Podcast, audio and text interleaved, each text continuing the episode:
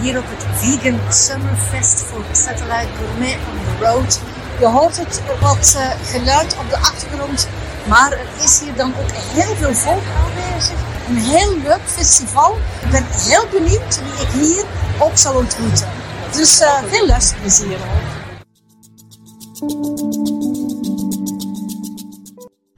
Je m'appelle Inès Lazzarini et je suis gérante de, de Black Hole Shop. Donc c'est C'est basé euh, en ligne principalement, donc je vends uniquement euh, sur internet, donc j'envoie des colis.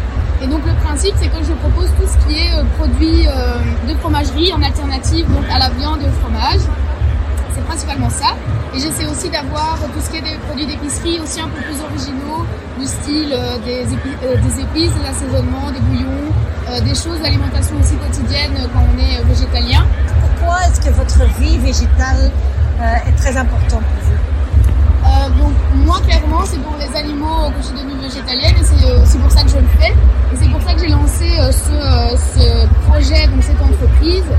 c'est clairement pour, pour contribuer à la cause animale en fait. C'est vraiment, c'est vraiment le, le moteur qu'il y a derrière.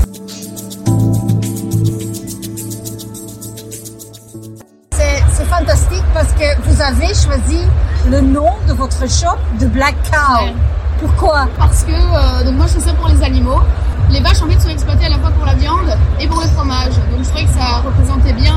euh, shop que j'ai parce que j'essaie de trouver des alternatives à ces produits-là. Et d'autre part, pourquoi une vache noire? Ben, C'est parce que dans le refuge où je suis bénévole, euh, j'aime ben, j'aime énormément une vache en particulier dans ce refuge. Et quand j'ai commencé du coup mon entreprise, je me suis dit ben, je vais la faire à son image. La dernière question, un festival comme Vegan Summerfest, c'est quoi pour vous?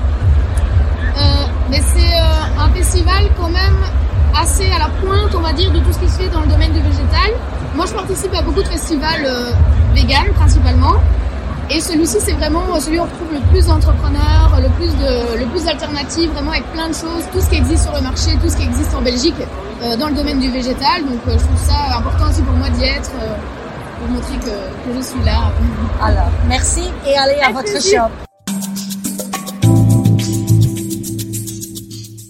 Deze aflevering van Satellite Gourmet on the Road Vegan Summerfest zit erop. Nogmaals excuses voor de geluidsopname. Maar ja, er was dan ook heel veel volk, een leuke vibe, een prachtig festival. En de volgende keer doe ik het beter.